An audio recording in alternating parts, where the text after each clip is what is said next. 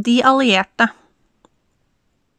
Har du gjort alt dette i natt? skvatt Tor Arne dagen etter. Du fikk jo ikke ut fingeren, sa Erik, og justerte tomgangen på den summende 1600-fireren. Tor Arne gikk bort til pallen i hjørnet og strøk fingrene over turbomotoren Erik hadde tatt ut. Biltilsynet er jo først i over i morgen, sa han. Og nå blir den godkjent, sa Erik. Eneste er at de kanskje vil undre seg over skjermbredderne. Han nikket mot tomrommet i julehusene. I stedet for sjutomsfelgene med 225 dekk hadde han satt Asconaen på smale originalfelger med hjulkapsler. Varetaxien kom med avisene. Erik rev opp pakka, åpnet gudbrandsdølen. Der! Endelig begynte ting å flytte på seg. RHF søker landsskytterstevne. Firespalters bilde av ordføreren i Ringebu sammen med Arnt Strand. Det frivillige skyttervesen betegner Ringebu og Fåvang skytterlag som en høyst kompetent søker. Avgjørelsen faller 30. mai neste år, og forberedelsene til søknaden har allerede begynt i Ringebu. Ordfører Emil Høst mener stevnet vil gi positive synergieffekter og sette bygda på kartet. Men etter det Gudbrandsdølen erfarer, har også skytterlaget i nabokommunen Annor planer om å søke stevne. Formann Harald Jøtul ville i går ikke kommentere saken. Åshild Sveen kom inn. Erik la ned avisa. Jeg skulle visst spørre etter noe med umbraco, sa hun og rakte ham en møbelskrue. Unbraco. Alle tar feil av det, rettet Erik og fulgte henne bort til verktøyhylla. Møbler. Altså greide hun seg med Akesa. På vei mot disken fikk han se en blå Mercedes 280 E utenfor. Martin Lyng. Hvorfor parkerte han bak stasjonen? Og en skiftenøkkel, sa Åshild. Det selger jeg ikke, sa Erik. Når får du inn igjen? Jeg tar ikke inn skiftenøkler, sa Erik. Kjøp heller et rimelig fastnøkkelsett. Skiftenøkler glipper og gjør mutteren runde. Det må da være opp til meg om mutterne mine blir runde? Egentlig ikke. Før eller senere skal jeg skru på dem når bilene kommer hit på stasjonen. Åshild passerte Lyng i døra. Tannlegen strakte seg, kikket over reolene, ventet til Åshild var ute og sa Har du hørt hva Jøtul har gjort? Stilt som ordfører, sa Erik. Innført subsidierte medlemskap. Hva mener du? Han har satt ned medlemskontingenten til skytterlaget, økt prisen på skattelista og lagt opp til at medlemmer kan kjøpe lista med rabatt. Prisene er slik at det lønner seg å bli medlem. Folk kan melde seg inn på direkten. Det ligger medlemskort i alle butikkene, unntatt din. Så han har tatt den vrien, sa Erik. Samme som sovjetrusserne gjorde for å øke opplagstallet på Pravda, sa Ling. Abonnentene ble automatisk medlemmer av kommunistpartiet, og alle medlemmer fikk automatisk Pravda. Heller ikke ukjent metode i norsk foreningsliv når noen vil tappe kulturmidler fra kommunen. Men at han vil det, sa Erik. Nå blir jo skytebanen nedrent av folk med luftbørser og uregistrerte US-karabiner. Å nei, du. Jøtul har innført treningsavgift for selve skytebana. Klart han griper sjansen til å innføre klasseskille når han kan.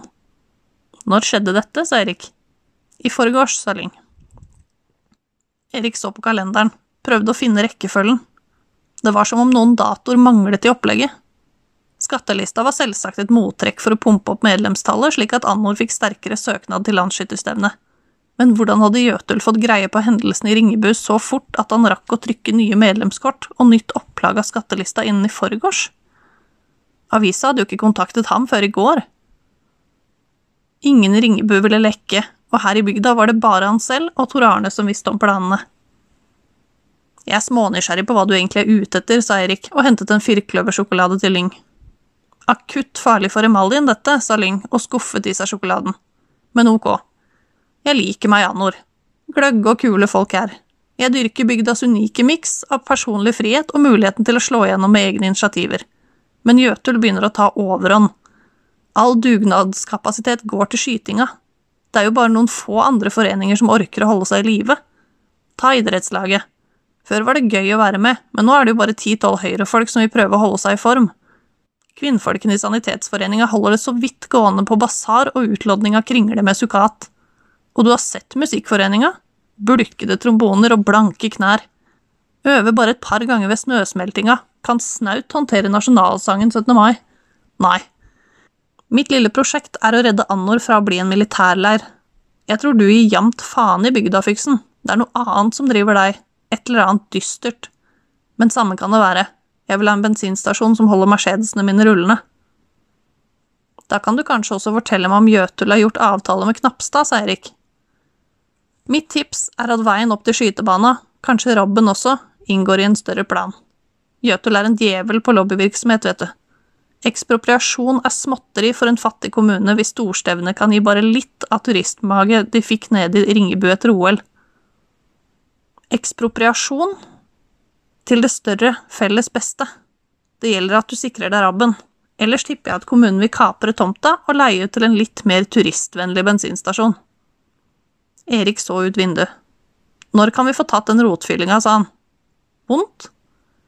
Kjenner det når jeg får cola eller kaffe rett på jekselen. Har det travelt nå. Sånn sett er vi like, du og jeg, i våre monopolstillinger. Greier du å vente til onsdag om halvannen uke? Telefonen begynte å kime. Det skal vel gå, nikket Erik. Tolv blank, sa Lyng. Da har jeg forresten klar en overraskelse. Erik grep røret. Annor bil og bensin, vær så god. Hei, det er Ellen. Ellen? Fra HT. HT? Hydro vel. Gleder du deg? Til hva? Til å se demostasjonen, så klart. Bli ferdig rigget mandag om to uker. Ikke nå, tenkte Erik. Når som helst, men ikke nå, ikke oppi dette. Tomten, sa Ellen, er den klar? Ville vente og se grunnflata til det nye konseptet, sa Erik. Ok, jeg opplever at jeg er rimelig komfortabel med progresjonen likevel. Ta med plantegningen og bilder, så tar vi det derfra. Fordømt rot, tenkte han da han hadde lagt på. Heldigvis fikk han tatt rotfyllinga først. Et realt utbrudd tannverk var det siste han trengte når han sto hos Ellen Lysaker med hjemmelagde plantegninger og skulle spille uviten om Verneplan 318. Han bladde i telefonkatalogen, grep røret. Stefan-hotellet, du snakker med Lise. Erik Fyksen, har du noe ledig i helga om to uker? Enkel eller dobbel? Solo, fra søndag til mandag. Du, vi har weekendtilbud nå. Halv pris hvis du tar fra fredag eller lørdag. Han stirret på vinduskarmene, på STP-pyramiden gjennom dørgløtten. Er du der, sa Lise. Ta fra lørdag, sa Erik Fyksen. Lufta i vaskehallen var sval og rå. Han låste opp automaten til høytrykksspillerne, tømte polletten i en pose. Egentlig var det overflødig med to plasser, det var bare kvelden før 17. mai at begge ble brukt. Kanskje han skulle installere vaskeautomat. Han kjente den vage ideen dra forbi, komme tilbake og feste seg, lik ei lyspære som var løs i sokkelen og blunket før den kom på. Det var vel for sprøtt. Eller kanskje ikke? Ikke i forhold til de billige knepene til Jøtul? Han gikk inn i ekspedisjonen, drysset pollettene ned i kassa. Framover må du jobbe dobbelt, sa han til Tor Arne. Vi tar den ene plassen i vaskehallen og monterer automat. Tor Arne skakket på hodet. Børsteløs med underspyling og voksprogram, sa Eirik. Jaha, sa Tor Arne. Så nå gjelder det ikke lenger at alle skal drive med svamp og ta den tida det tar? Vi må kompromisse, sa Eirik, og si ifra til meg når Bodil Smidesang kommer. Hvem? Bodil Smidesang, sjefen i Sanitetsforeninga. Bodil var typen som fylte når tanken var halvtom, og kom i golfen sin allerede neste dag. Går det bra i Sanitetsforeninga om dagen, sa Erik. Hun virket ikke forundret over at han spurte. Antagelig har hun hørt folkepraten om meg og Jøtul, tenkte Erik. Vel, ikke som det en gang var, sa hun. Og neste år, med disse skattelistene, snart går alt til skytterne. Men hva kan vi gjøre? Vi kan ikke dele ut medlemskap på billigsalg. Kan menn være med i Sanitetsforeninga, sa Erik. Å ja, det er rundt 20. På landsbasis. Jeg har bestilt ny vaskeautomat og trenger litt PR, sa Erik. Hva om medlemmene av Sanitetsforeninga får bilvask til halv pris ut året? Jeg kan selge medlemskort her. Her på mobil? Ja. Uhørt, sa Bodil Smidesang. Tvers igjennom uhørt. Kommunen vil gjennomskue det med en eneste gang. Det er hele vitsen, sa Erik. Når dere kommer med 500 nye medlemmer og krever kulturmidler, må kommunestyret ta i møkka. De kommer til å underkjenne juksemedlemskapene til skytterlaget. Hm, sa Bodil Smidesang. Det bor noe i oss alle, tenkte Erik da han så ansiktsuttrykket hennes. Han hadde aldri forestilt seg at lederen for Sanitetsforeninga kunne se så hevnlysten ut. Halvannen uke senere sto han på Lyngs venterom og kjente jekselen sende smertestråler ut i øreflippene. Han hadde regnet med å se Lyngs mørkeblå 280 i bakgården. men i stedet sto en kabriolet utenfor, en sjøgrønn 450 SL. Det automotive bevis på den miserable dentale standard i bygda, sa Lyng. Bit sammen. Den plastinnbakte blymatta lå tungt over brystet. Erik hørte røntgenapparatet dure. Jeg var jævla i tvil om jeg skulle ta den kjerra der eller en Jaguar XJS med toller. Kabriolet, det også. Likte egentlig Jaggen best, men den ruka der ute har bare gått 43 000 miles. Import fra USA. Kosta et hav med penger. Første dagen rygga jeg i stykker baklykta. Ringte motorsentralen og spurte etter prisen. Holdt på å miste røret da de sa hvor mye den kosta. Oi! Må jeg ha gebiss, sa Erik. Kanskje, for bildene er ferdig, og nå er jeg ikke bekymret for baklykta lenger. Den skal du få betale, Fyksen, for dette er en svær jobb. Vi snakker om et eksorbiant salær.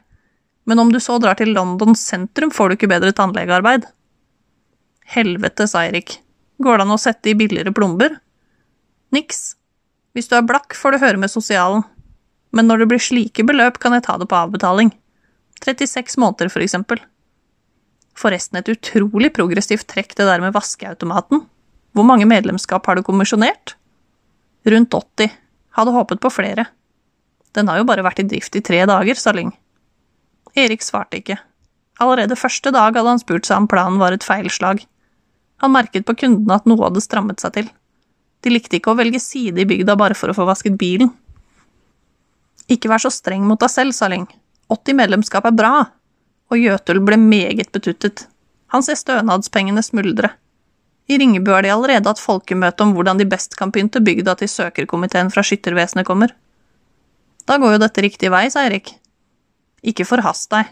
Jøtul søkte nemlig stevne i går. Erik satte seg opp i stolen.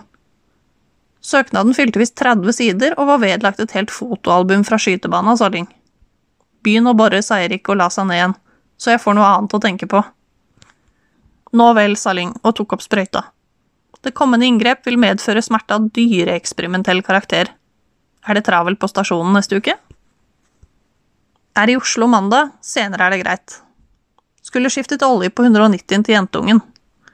Ok. Får vel bra pris, da. Bedøvelsen du nå kjenner spre seg så behagelig, er meget kostbar. Bytte flatt. Og så er den ene forskjermen rusten. Er det mye jobb å skifte den hvis du får tak i en ny hos Grundtvig? Noen timer.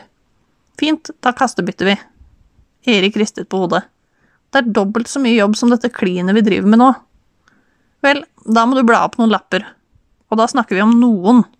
Såpass at du kjenner at det er tjukkelse på seddelbunken. For mye jobb, det går ikke opp, sa Erik. Hva om vi utvider handelen litt? Jeg kjøpte jo den 32 av Tommy Rønningen. Ganske bra, men fòringen i juleopphenget var helt morkne. Jeg nevnte jo fòringene spesielt, sa Erik. Nye og kostbare originaldeler må inn. Hva om jeg betaler delene, du gjør jobben og får en halv elgkalv attpå? Nei, lager ikke mat selv, har ikke tid. Byttet i meg en fra Ottar Høistad. Fyren fikk tannverk rett før jakta i fjor. Ble aldeles desperat, og så var han blakk. Jeg liker ikke de byttehandlene, men hva gjør man? Vi kan jo ikke ha menn i våre skoger med skarp 762 og tannverk. Det går bare ikke. Altfor mye kjøtt, sa Eirik og ristet på hodet. Lager knapt mat selv. Har ikke engang fryser. Blir omtrent 35 kilo, sa Ling. Ferdig delt opp og pakket. Og neste behandling gratis. Greit, sa Erik med numne lepper. Men kom ikke bare med lår og kjøttdeig. Jeg skal ha kalven delt på langs. Ryggstykkene og alt. Forresten kakler vannpumpa på 82-en. og radiatoren drypper. Fikser du det også?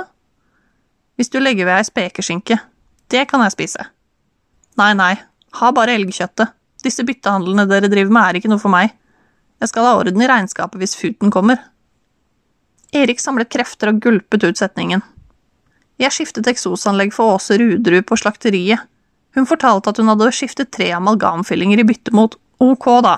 Spekeskinke mot ny radiator. Nå må vi få satan komme i gang her, ikke sitte og preke.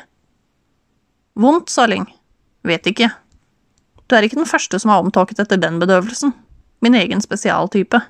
Ikke nevn den for andre. Da må jeg flytte i bokollektiv i Sør-Amerika med migrerte nazileger. Kom, jeg skal gi deg en prøvetur i det nye vraket. La oss få vind i halsen og bli deilig forkjøla. Kabrioleten flommet nedover tatersvingene.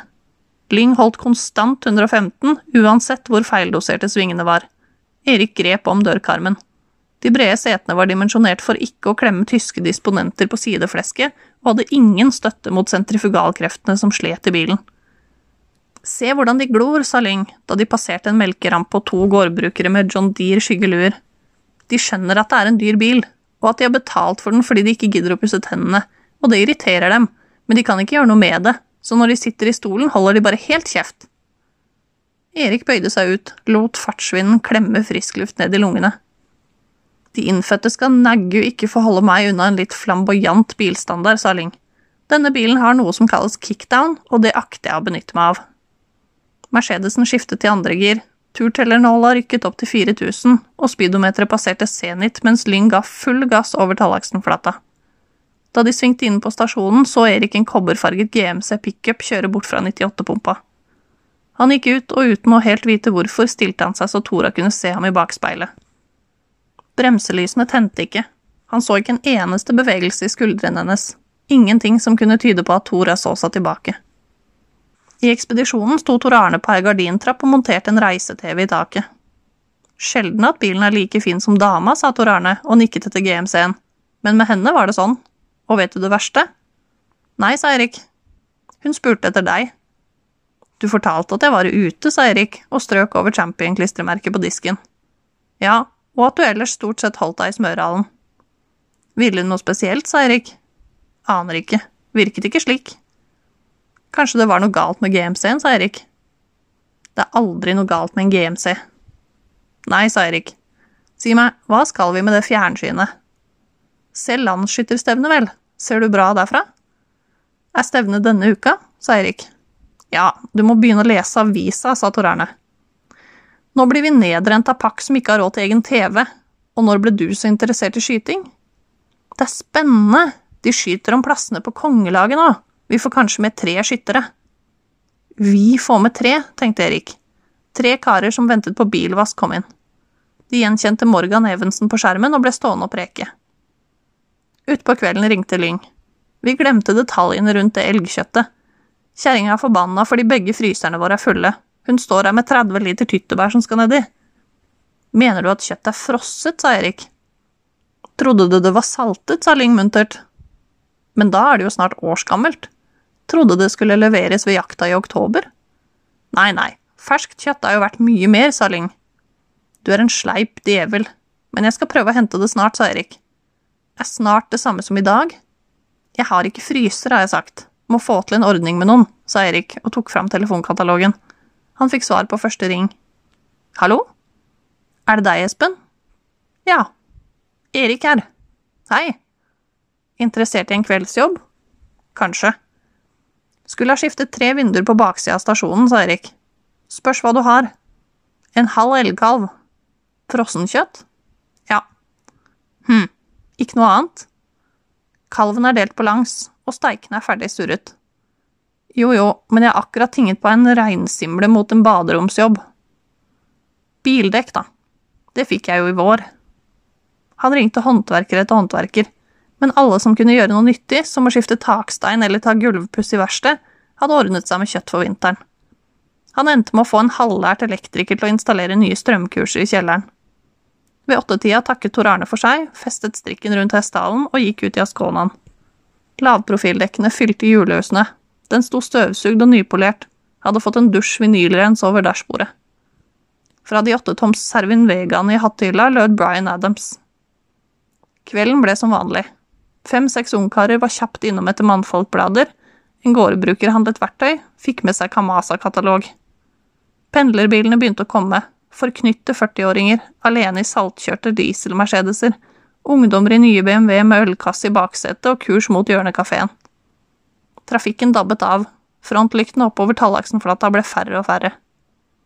I morgen tidlig ble det Oslo. Første helga han var borte fra stasjonen på tre år. Han tenkte på Tor Arne. Så rar han hadde vært i dag. Først det med landsskytterstevnet. Og han godtok å jobbe sammenhengende fra lørdag til mandag uten de vanlige sutrete innvendingene. En mistanke begynte å gnu. Erik stengte stasjonen, kløv opp i pickupen og raste gjennom sentrumsgata, blinket inn mot boligfeltet. Foran inngangsdøra hos Jøtul sto en senket Ascona med blå fartsstriper.